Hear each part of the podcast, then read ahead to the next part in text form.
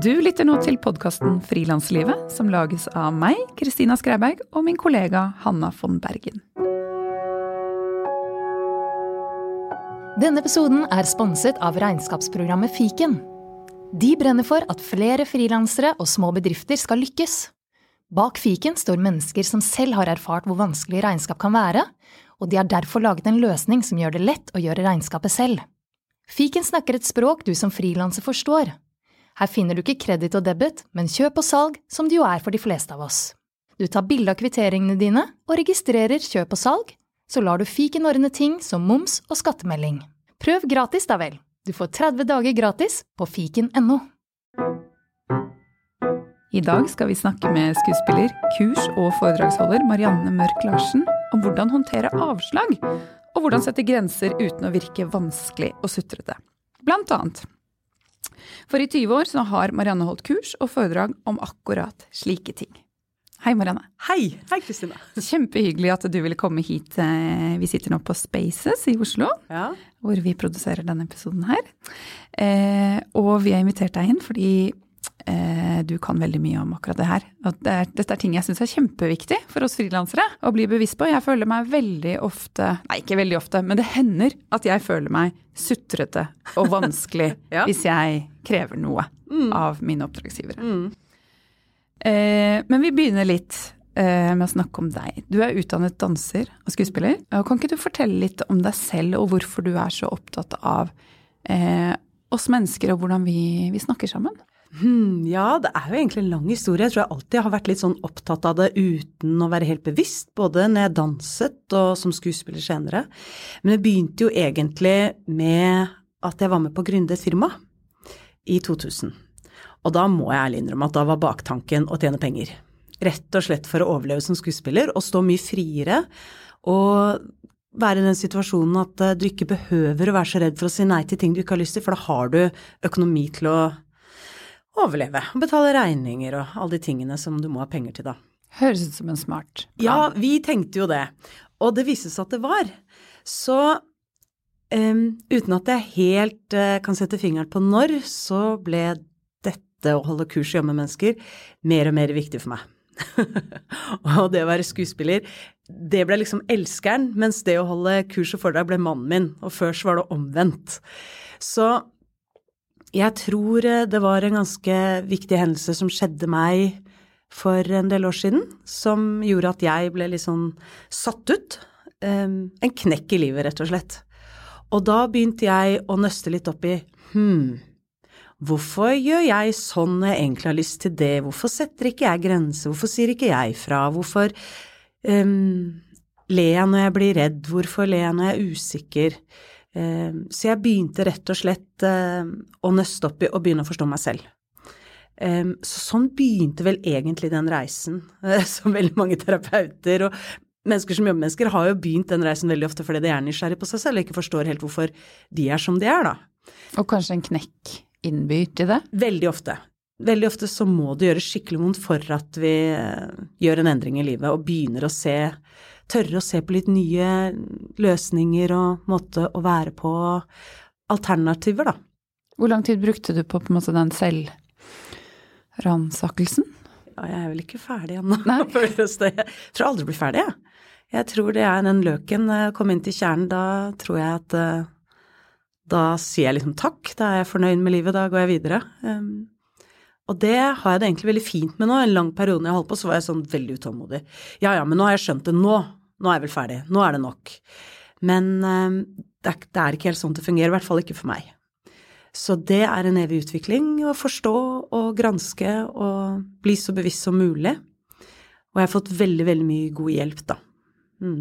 Og trives du med den reisen, eller er det, er det, er det mest tungt eller mest gøy? Jeg må innrømme at det har vært ganger hvor jeg har sittet, særlig med da en veldig, veldig dyktig og viktig person i livet mitt som heter Sylvia Burton, som er min sperrepartner, hvor jeg har tenkt at nå orker jeg ikke mer. Denne selvransakelsen, kan jeg ikke bare få lov til å være litt naiv og godtroende da? Mm, Men når man først har begynt på den reisen, så er det, for meg i hvert fall, så er det ingen vei tilbake, for jeg vet for mye, jeg kjenner for stor forskjell på hvordan jeg har det i hverdagen. Um, Så ja, det har gjort vondt. Men det som er da alle disse klisjeene, at uh, i enden av den mørke tunnelen kommer lyset, og over skyene er himmelen alltid blå, de klisjeene er jo der av en grunn. Det er i hvert fall min opplevelse at hver gang jeg har liksom gått igjennom noe som har gjort vondt, og erkjent noe eller sett noe og forstått noe, så er det etterpå er det akkurat som at det gir mer plass til meg. Jeg får mer god energi, jeg får mer eh, gode tanker. Eh, så det er verdt det. Det er bare ja, det gjør vondt noen ganger. Absolutt. Er du selv god på å eh, praktisere de tingene vi skal snakke om i dag? Det å både håndtere avslag og sette grenser for deg selv? Nei. Nei. jo da, jeg har blitt bedre. Men eh, jeg tror at Nå blir jeg 50 i år. Så jeg begynner jo å bli mer trygg på meg. Der har jeg også gjort en jobb og en innsats. Så selv om jeg kjenner det behovet for at eh, mennesker skal like meg, så gjør det ikke så vondt når jeg skjønner at de ikke gjør det. Og det gjør ikke så vondt å få avslag som det gjorde før, når jeg var mye, mye yngre. Sette grenser er noe jeg trener på nesten daglig. Eh, og det syns jeg til tider, over visse typer mennesker, i visse situasjoner, er fryktelig vanskelig. Men jeg trener, og så har jeg blitt mer bevisst på hvorfor jeg syns det er vanskelig, så det er litt lettere å gå sånn museskritt eh, nærmere trygghet i de situasjonene. Men ja, jeg kjenner ubehag, ja. Både når jeg blir avvist eller jeg får tilbakemelding på kurs eller foredrag som Nei, det syns jeg ikke var så spennende, eller hun snakket for mye sånn, eller det var ikke nok sånn. Så kjenner jeg jo det i magen. Men det gjør ikke at jeg går ned i kjelleren lenger. Det gjør det ikke. Mm. Jeg går et par etasjer ned kanskje, men ikke i kjelleren. Det er håp for oss alle med trening. Ja, absolutt. Ja.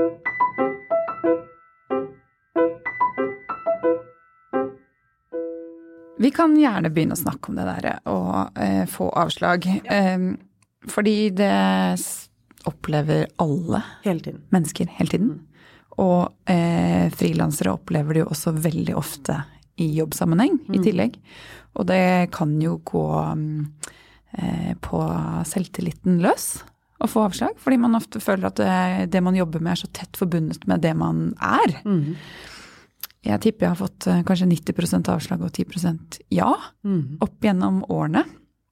Hvordan ruster man seg til det, og hvordan, hvordan, hvordan håndterer man det på en hensiktsmessig måte. Ja, et så praktisk tips i de situasjonene hvor man kan, det er veldig sjelden som skuespiller at man kan, men i de situasjonene jeg har hatt muligheten og kjent enten den som har castet meg eller regissøren, så har jeg noen ganger spurt kan jeg få en begrunnelse, er det noe jeg kan gjøre annerledes, hvordan kan jeg utvikle meg, um, de situasjonene hvor man kan spørre om en dialog etterpå, så anbefaler jeg det, for veldig ofte så handler det ikke om den du er, og det kan være helt andre begrunnelser enn det vi går rundt og frykter, ikke sant.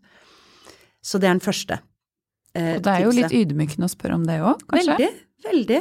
Men da er det jo en mulighet til å få litt innblikk i hva det handler om, da. Det er ikke sikkert man liker svaret. Det kan hende at teknikken din er for dårlig, eller du var for høy, eller du var for gammel, eller du var for feit, eller for tynn, eller skuespillerbransjen er utseendet ofte en, eh, en, faktor på hvordan de ser for seg at rollefiguren skal se ut, da.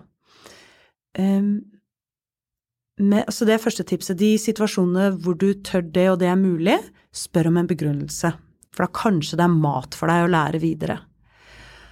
Og så er det jo sånn at de periodene i livet hvor vi er mest skjøre, så gjør avslag mest vondt.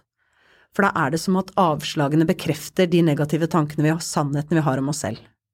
Så hvis du er i en periode hvor du har veldig mye negative tanker og har fokus på hva du ikke er god på, hva som ikke er bra med deg, alt som er feil, så er det klart at noen utenfor som du kanskje til og med ser opp til, bekrefter det, så gjør det ekstra, ekstra vondt. For da får vi bekreftelse på at det var det jeg visste, jeg er ikke verdt noe, jeg er for sånn eller ikke nok sånn, jeg er ikke smart nok og flink nok, og jeg er ikke en sånn som får suksess, alle andre klarer det ikke jeg, og da begynner man den tankespiralen. Og det er da avslagene gjør skrekkelig, skrekkelig vondt. Så jeg kan dele tips, da. Det er litt flaut tips. Jeg har ikke fortalt det til så mange. Men det begynte jeg med da jeg gikk på teaterskolen i London. Så begynte jeg å lage en liten skattkiste.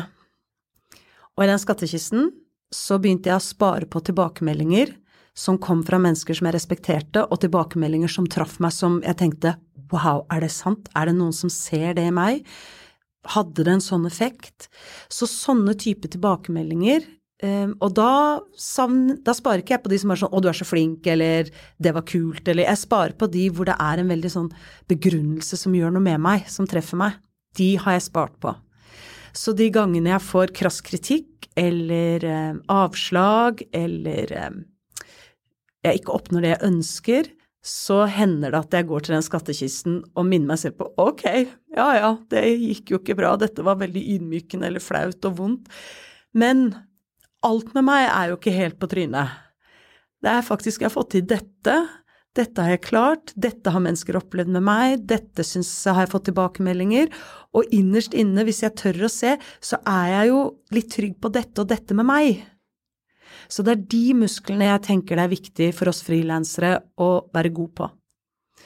Og hele tiden ha en bok eller en skattkiste eller eh, på iPaden eller telefonen eller hva som helst, skattkiste hvor vi minner oss selv på ok, ja, jeg fikk ikke til det, eller der var det noen som sa nei til meg, eller der fikk jeg en skrape i eh, en ripe i lakken. Men jeg er jo ikke helt Udugelig. Udugelig allikevel. Jeg, jeg har den skattkisten også. Du har det? Og det hjelper.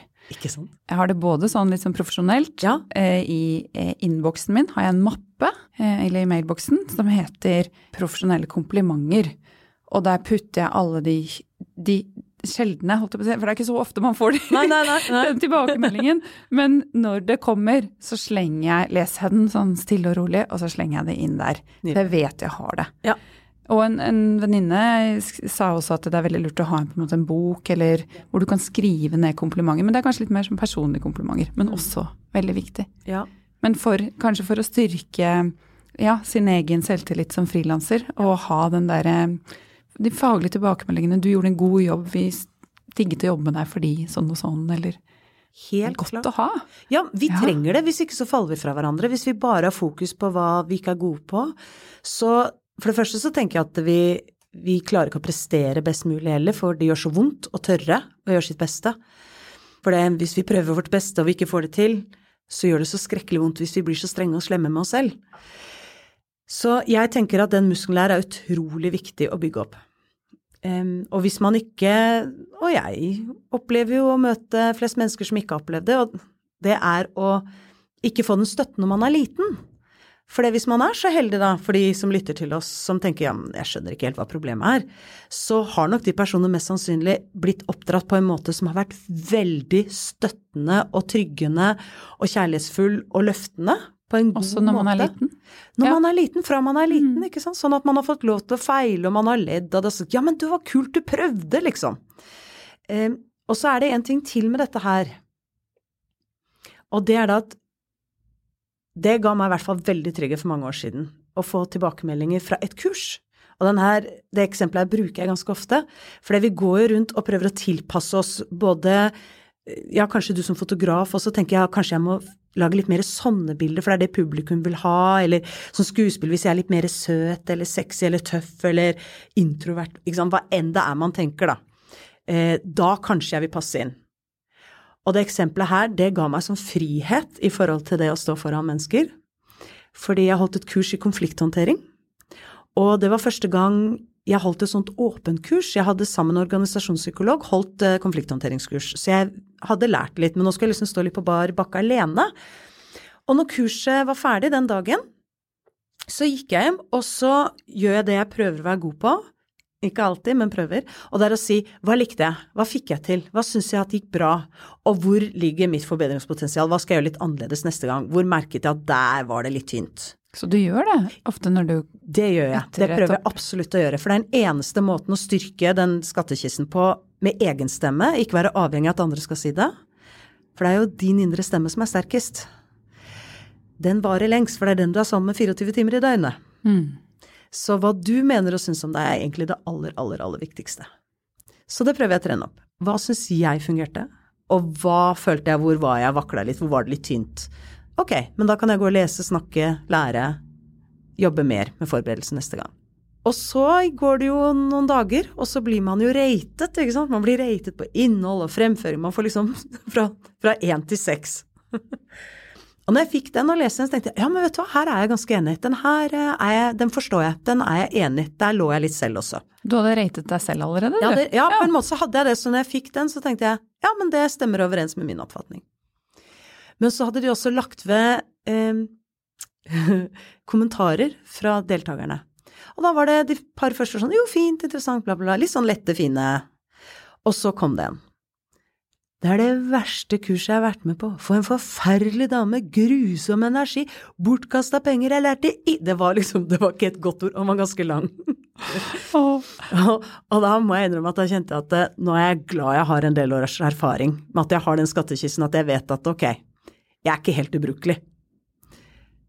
Og den traff meg, men jeg klarte liksom å puste litt sånn, ok, åh, det er et, et menneske som jeg virkelig traff skeivt. Ok, uh pustet litt ned den, og så scrollet jeg videre nedover, og så var begynnelsen på en annen tilbakemelding var kan jeg være så snill å få med meg Marianne Mørk Larsen hjem? Og da var det ganske langt innlegg om hvorfor hun gjerne ville ha med meg hjem, som var det motsatte av den andre kvinnen.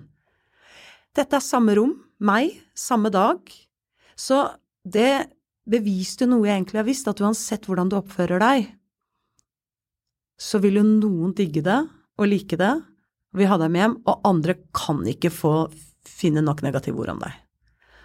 Og det ga meg en sånn frihet. Ja, men hm, da er det kanskje på tide å tørre å være mer og mer meg og gjøre det på mer og mer min måte. Og det betyr jo ikke at jeg prøver å forbedre meg, jeg prøver å tilpasse meg og finne måter å kommunisere budskapet på som treffer best mulig. Men det var en sånn vond, men aha-opplevelse med at det er faktisk sant. Det er så forskjellige tilbakemeldinger kan man få fra samme dag og samme rom.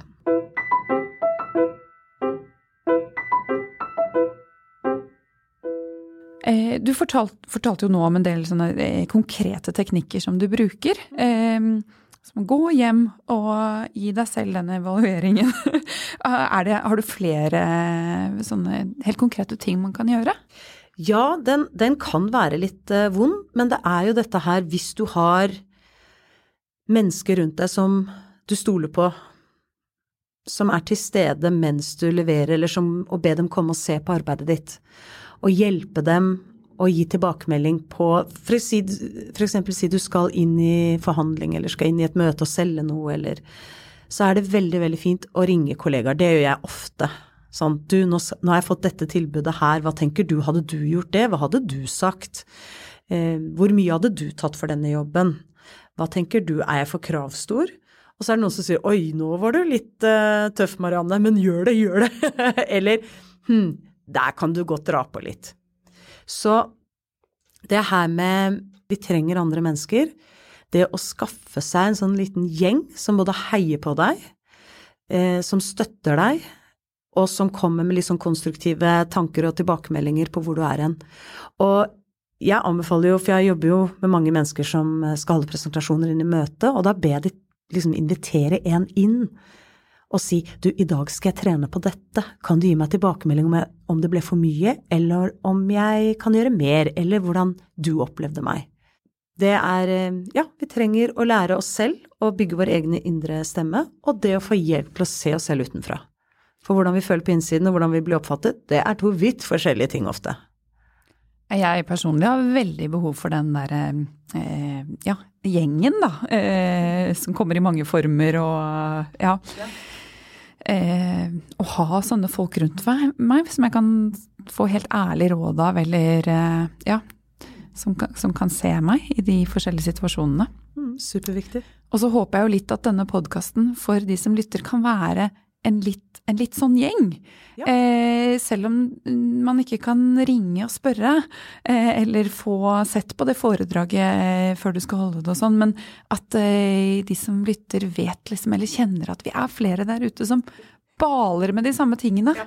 og som føler oss eh, ja, udugelige eh, den ene dagen, eller at vi lever drømmen den andre. Mm. Og ja. Mm man føler seg liten og rar og ja, stor og kul eh, om hverandre. Og ja. Og jeg, jeg fikk lyst til å si litt om det, for noen ganger så føler vi at det bare skjer litt av seg selv. At vi våkner opp en dag og i dag føler jeg meg kul, og neste dag føler jeg meg ikke kul, uten å tenke at det er noe vi påvirker selv, da. Så jeg har lyst til å Jeg vet ikke om vi skal komme mer på det, inn på det senere, men dette her med det du tenker, det er jo det som blir sannheten. Og det er jo så interessant hvordan vi velger å bare tro på det som skjer. Så du kan jo si du våkner en dag, en morgen, og så er du sjef, ikke sant? Og så går det to dager, og så våkner du en dag, og så er du helt nede og føler deg ubrukelig. Men livet ditt ser jo helt likt ut. Du bor med de samme menneskene, du har like mye penger på kontoen. Kanskje. Så, kanskje, kanskje det er litt forskjell. Ja. Men det er ofte ikke de tingene som utgjør det engang, det er bare hva du har fokus på. For noen dager så er du takknemlig og fornøyd, og da kjenner du at det, ja, men livet er ganske godt. Andre dager har du fokus på kanskje det ene avslaget du har fått, eller at du ikke er bra nok, og så har man gått ned den tunge spiralen der, da. Men du er jo den samme personen, så hva er egentlig sannheten? Er du en vinner, eller er du en taper?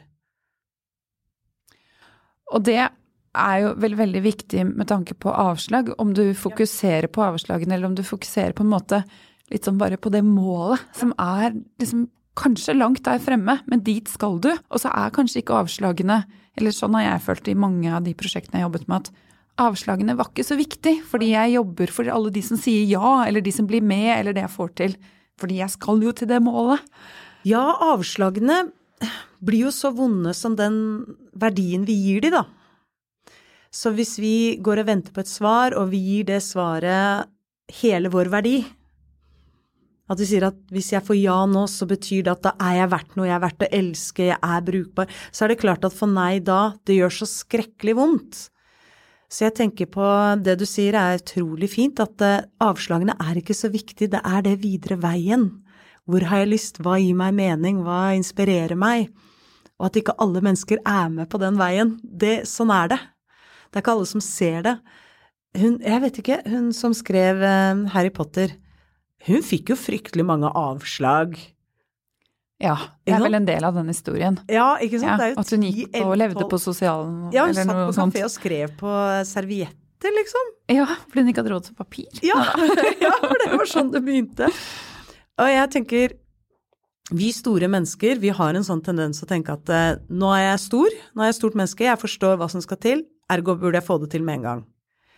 Men da har jeg litt lyst til å bruke et eksempel som jeg er veldig, veldig glad i, og det er når vi er små mennesker, så skal vi jo lære å gå, blant annet. Hvor, hvor mange ganger prøver et barn å reise seg opp og gå før det faktisk klarer det, og hvor mange blå Jeg husker når datteren min Kajsa lærte seg å gå, altså jeg tenkte nå kan jeg ikke dra på helsestasjon, for nå ser det ut som jeg har misbrukt henne. Hun hadde altså blåmerker og skrubbsår og overalt. For det, hun, hun prøv, trente seg på å gå.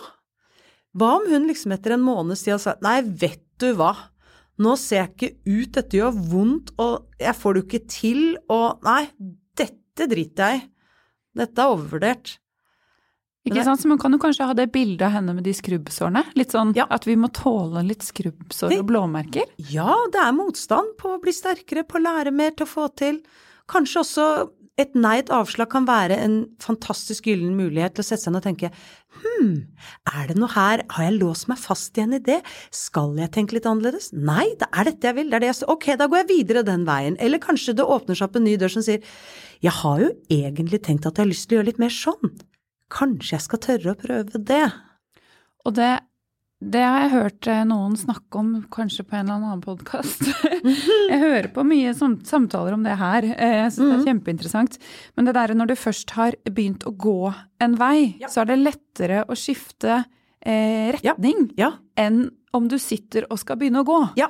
Eh, så det er, eh, det er på en måte aldri bortkasta å ha begynt på noe. Nei. Eller eh, ja, altså jeg begynt å gå Ja, nedover altså, nei, det er det. veien. Nei, for det Jeg møtte en ung jente i går, eh, nei, i helgen, som går på en folkehøyskole, som sa at ja, ja, nå skal jeg videre der, jeg har jo liksom kastet bort mye tid på mange forskjellige utdannelser. Så jeg ikke vær så sikker på det, for det kan hende at du er en av de typene som ikke har liksom funnet din vei med en gang, for noen vet jo hva de vil fra de er tre år og går den veien, mens det er mange av oss, og jeg inkludert, som har gått litt sånn merkelige, snodige veier for å komme dit man er som voksen, da. Og det er ingenting av de tingene jeg har gjort som jeg opplever i dag er bortkastet. Snarere tvert imot. Det har gjort at det, min måte å jobbe med kommunikasjon og mennesker på har en veldig annerledes vei enn veldig mange andre.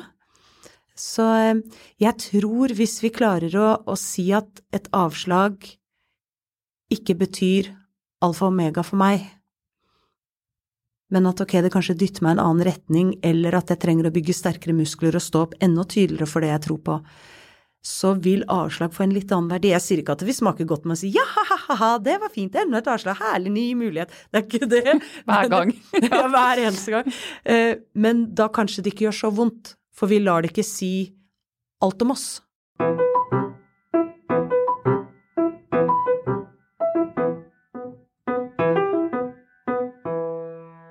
Jeg bare kom innom det du nevnte litt sånn i starten, at det er når du har det litt tungt, eh, så da er det kanskje verst å få mm. avslag.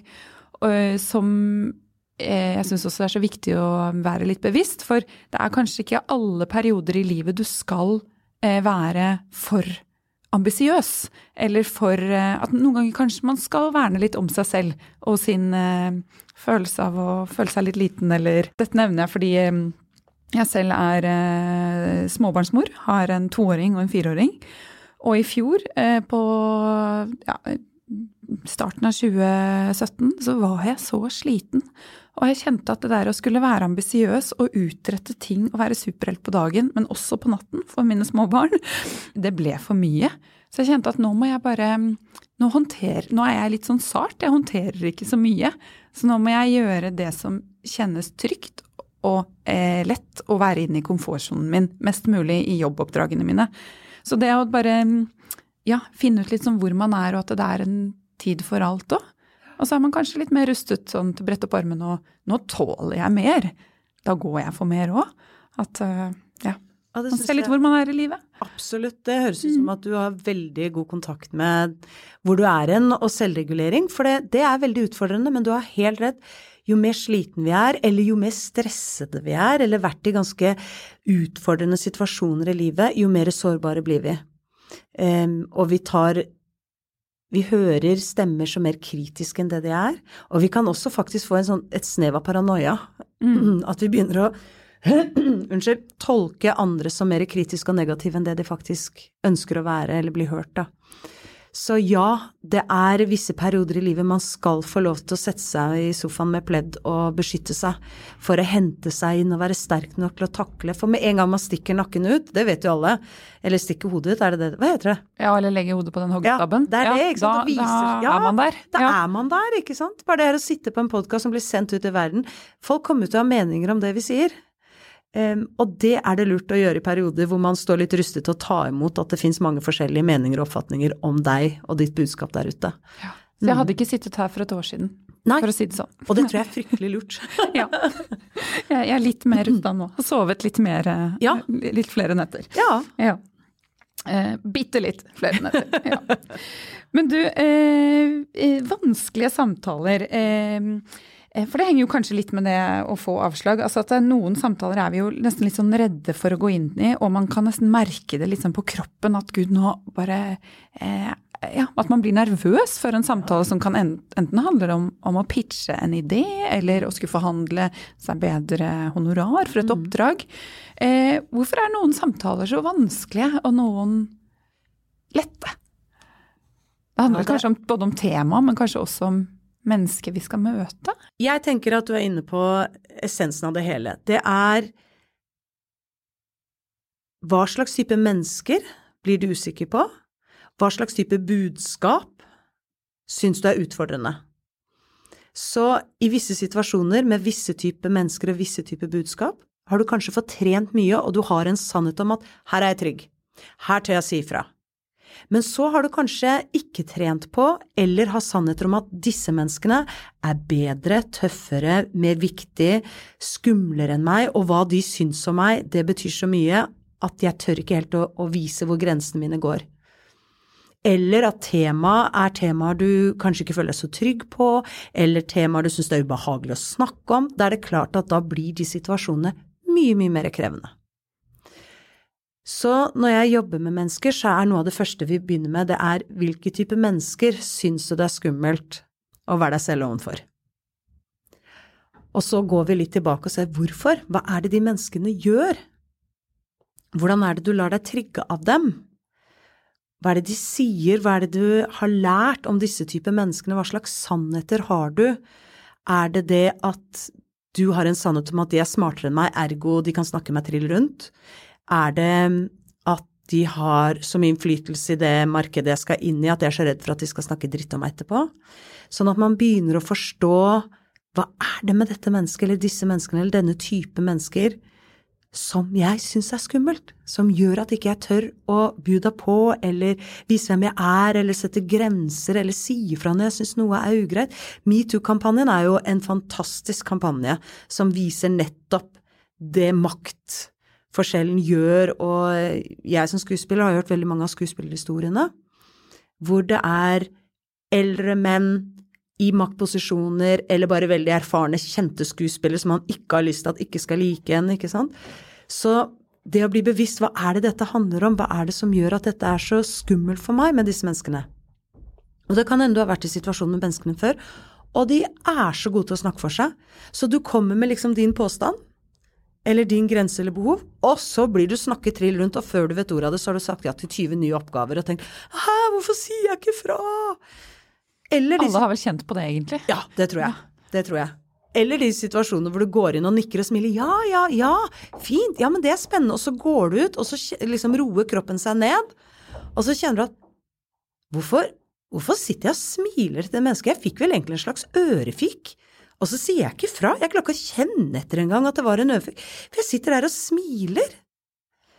Så disse typer situasjonene, jeg tenker første sted å begynne å nøste opp, det er hva slags type mennesker,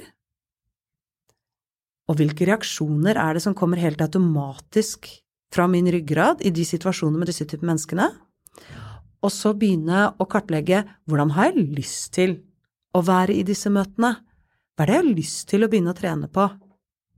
Og så har jeg lyst til å minne på en ting. Det er at veldig ofte så hører jeg ja, men jeg vil ikke si noe, for jeg er så redd for at han eller hun skal bli sint eller sur. Men det er faktisk ikke det vi er redd for, og det har jeg lært selv. Det vi er redde for, det er hvordan skal jeg håndtere mine følelser? Hvordan skal jeg håndtere meg selv hvis den personen jeg snakker med, blir sint, irritert, eh, skuffet, eh, oppfatter meg som teit, dum, hva enn det er? Hvordan skal jeg håndtere mine egne følelser? Så det er det vi er mest bekymret for i de samtalene, at hvordan skal jeg håndtere meg selv? hvis den andre personen på andre bordet har en reaksjon som jeg ikke syns er noe behagelig. Så vi er egentlig mer redd for vår egen reaksjon enn hvordan vi påvirker det andre mennesket? Ja, vi er redd for den andres reaksjon, for vi vet ikke selv hvordan vi skal forholde oss til Ja, hva det gjør med oss. Og for å komme tilbake til en sånn klisjé, da, så, og en sannhet, det er jo at eh, som små mennesker så vet jo vi at vi trenger andre mennesker for å overleve. For som små mennesker, babyer, så dør vi uten andre mennesker. Det er sånn vår art er satt opp, at vi må ha andre mennesker. Og det henger i oss som store mennesker også. Så det er nok, hvis vi skreller løken der, da, så tenker jeg at uh, kjernen handler om hvis jeg viser hvem jeg er nå, hvis jeg setter tydelige grenser overfor deg, hva om du forlater meg? Det er noe av det skumleste. Og det er jo kanskje litt det Eh, det er jo mange av oss som syns forhandlinger er veldig ja. skummelt. Mm. Og det er jo For meg handler det om hvis, jeg, hvis, det er en eh, kunde eller et oppdrag som henger veldig høyt, mm. så er jeg jo selvfølgelig reddere for å forhandle, fordi hva hvis de forlater meg? Mm. Hva hvis jeg ikke får det? Mm. Eller hva hvis jeg oppleves som vanskelig? Mm. Ja. Jeg tenker at um i begynnelsen når jeg skulle prise mine egne kursforedrag, syntes jeg det var skrekkelig vanskelig. Men nå har jeg så mye erfaring og trygghet, så har jeg snakket og rådført meg med kollegaer. Og noen ganger så er jeg litt tøff, så tester jeg ut. Særlig med kanskje et oppdrag hvor jeg tenker at det her, kan jeg, her tør jeg teste. Eh, for at, hvor går grensen, og hva mener folk, og hva syns folk, osv. Men jeg var med på en TV-serie hvor jeg prøvde å forhandle frem bedre kontrakt, og fikk det ikke. Den andre skuespilleren, kollegaen min, sa at hvis jeg ikke får dette, så går jeg. Og da lot da denne produksjonsselskapet den skuespilleren gå. Så han ja. sluttet i serien. Ikke sant? Jeg gjorde det ikke. Jeg var litt feig, jeg ville være med. Så, men man må kjenne på hva er mine verdier, hvor store kameler er jeg villig til å svelge? For det er klart at hvis man, hvis man svelger for mange kameler og går med på for mange dårlige kontrakter for seg selv, så gjør det noe med din egen selvfølelse. og ditt eget selvverd, så noen ganger så skal man stå opp og kjempe når det gjelder For å bygge det selvverdet. Ok, denne gangen gikk det. Wow, denne gangen gikk det ikke. Men det var riktig. Det gjorde vondt, jeg ville gjerne hatt oppdraget, men dette gikk forbi hva mine grenser er. Så drømmen er jo at andre skal se deg og sette verdi på deg, og det skal kjennes godt. Men jeg tror den viktigste muskelen å trene før man går inn i forhandlinger, er en muskel som kjenner 'dette mener jeg dette verket eller denne jobben er verdt, og jeg er verdt'. Dette går ikke. Men dette, ikke sant, man har et slingringsmonn, ok, jeg kan gå ned på dette hvis vi kan gjøre Man kan jo forhandle og legge inn sånne sideting også, at ok, jeg kan være med på dette, men da vil jeg ha dekket dette. Eller da vil jeg ha mer plass eller mer lys eller mer ikke sant, Hva enn det er at man kan finne justeringer innenfor, da. Men dine grenser for hva som føles riktig for deg, det må du finne ut av selv. Og for meg så klarte jeg etter hvert å kjenne den jobben her Nei, det kjenner jeg, det, er, det blir ikke riktig. Da gjør jeg det kun for jobben, og det smaker ikke godt i lengden. Det Jeg må ha lyst og inspirert, og det må kjennes riktig ut. Så er det andre jobber hvor jeg tar veldig dårlig betalt, for det gir meg inspirasjon, da. Kanskje det er en ny type kurs, og jeg tenker ok, dette var litt dårlig betalt, men da får jeg trent på dette, da får jeg testet ut dette. Det er en gruppe jeg har lyst til å jobbe med, eksempel. Så man, dette her møter man jo nesten ukentlig eller månedlig, ja. eller ja, varierende hyppighet eh, når man jobber sånn som oss.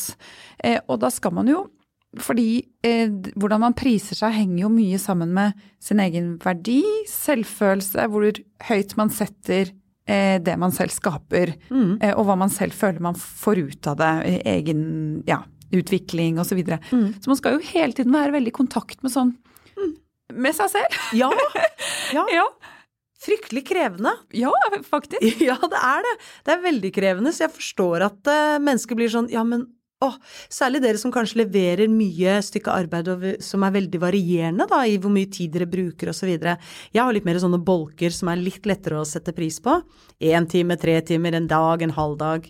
Men allikevel der så er det jo ofte forhandlinger. Men ja, det å vite din verdi. Og jeg tror noe av det vanskeligste er for de som er i sånn mellomsjiktet, de som ikke er kjente, har et navn ennå kanskje, men har holdt på en stund. Så tenker jeg at en av de signalene du sender ut, er at uh, jeg er kanskje ikke veldig kjent, jeg har ikke et stort navn, men jeg er dyktig, og jeg verdsetter det arbeidet jeg gjør. Så det å liksom utfordre seg selv lite grann, da. Man bør liksom ikke gå fra 5000 til 50, men man kan begynne å si hva om jeg begynner å si ni, da? Eller åtte og et halvt? Kjennes det Ja, det kan jeg stå innenfor. Det er litt skummelt, men det kjenner jeg Det er ikke sånn at jeg tenker det er for mye.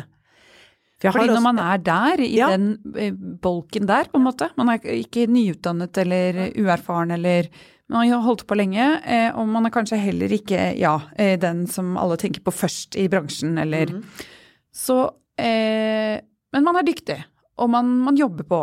Da har man kanskje hvordan du forhandler, er en mulighet for å posisjonere seg og velge hvor du, hvor du ligger. Altså ja. du på en måte selv setter den verdien, og setter den verdien andre skal se gir, i deg. Ja, og det gir noen effekter, det gir noen signaler.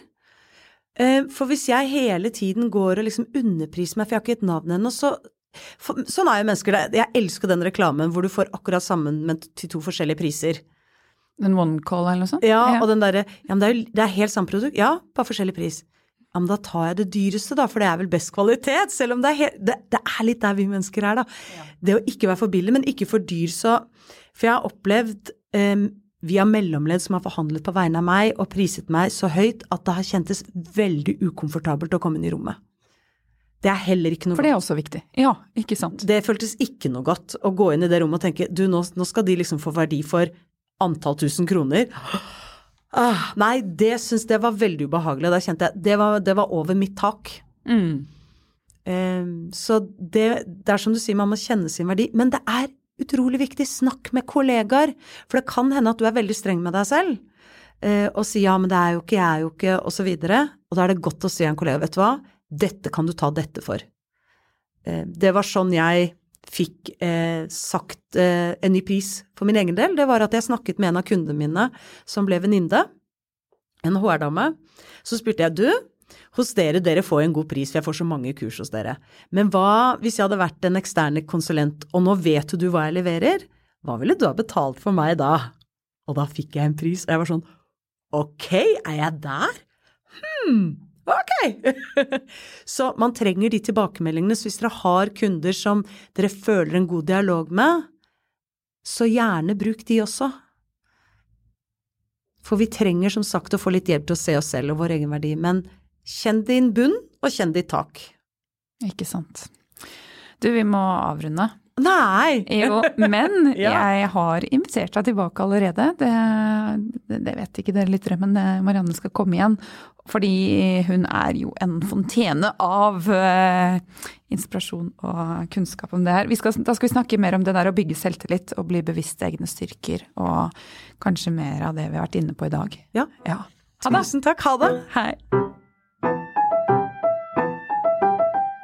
Har du lyst på mer innhold som det her? Flere episoder fra frilanslivet? Da kan du hjelpe oss med å fortelle det til en venn. Spre det glade budskap om denne podkasten. Det hjelper oss kjempemasse. Tusen takk.